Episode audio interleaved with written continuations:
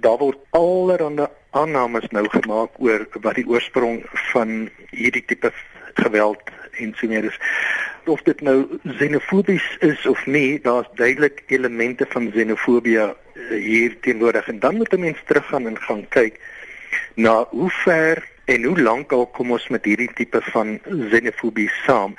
Die agterdog teenoor vreemdelinge, die nie aanvaarding van vreemdelinge. Dit is in Suid-Afrika veral merkbaar sedert die demokratisering van van die land altyd maar daar so net onder die oppervlak en dan van tyd tot tyd dan bars dit uit. En dit wil vir my voorkom die laaste groot uitbarsting was in 2008 soos ons weet, jy weet meer as 60 mense gesterf en mense is ontwortel en verskuif en gevlug en wat ons nou skynbaar sien is 'n herhaling byna is nog nie op dieselfde skaal van dit wat ons in 2008 gesien het nie maar dit is ook 'n baie baie groot uitbarsting. Nou Radek Adali het vanoggend in Beeld 'n rubriek geskryf juis oor hierdie onderwerp en sy spesifiek gesê dat die regering amper dit wil onderdruk die storie dat dit nie xenofobie is en dat dit eerder opportunistiese misdaad is. Dink jy daar is 'n mate van opportunistiese misdaad hierby betrokke? Ja, ek dink daar's altyd. Soms begin so iets as iets heeltemal anders. Dit begin as 'n gewone misdaad byvoorbeeld. Word gesteel by 'n winkel. En heel dikwels is dit winkels wat veral in die armer uh, gemeenskappe, is dit winkels wat aan buitelanders behoort, wat dan geteken word. En alhoewel dit dan die eiendom van 'n buitelander is, was die feit dat dit 'n buitelander se eiendom is, nie die motief nie. Die motief lê elders, byvoorbeeld armoede, werkloosheid wat 'n groot probleem in hierdie armer gemeenskap is.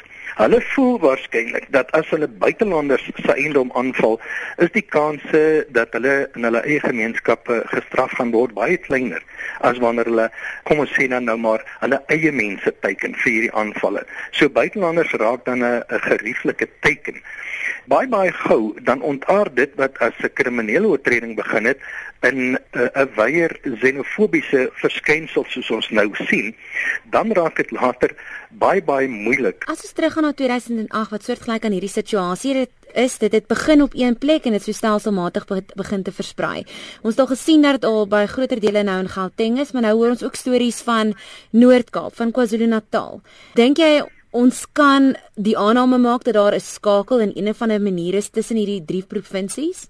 Ek weet nie of daar 'n regte skakel is dat dit iewers vandaan gekoördineer word of iets van aard nie. Ek dink suiwer mense raak aangevuur deur dit wat hulle op een plek sien gebeur en jy weet dan dink ek hulle besluit om dit naby hulle ook te doen.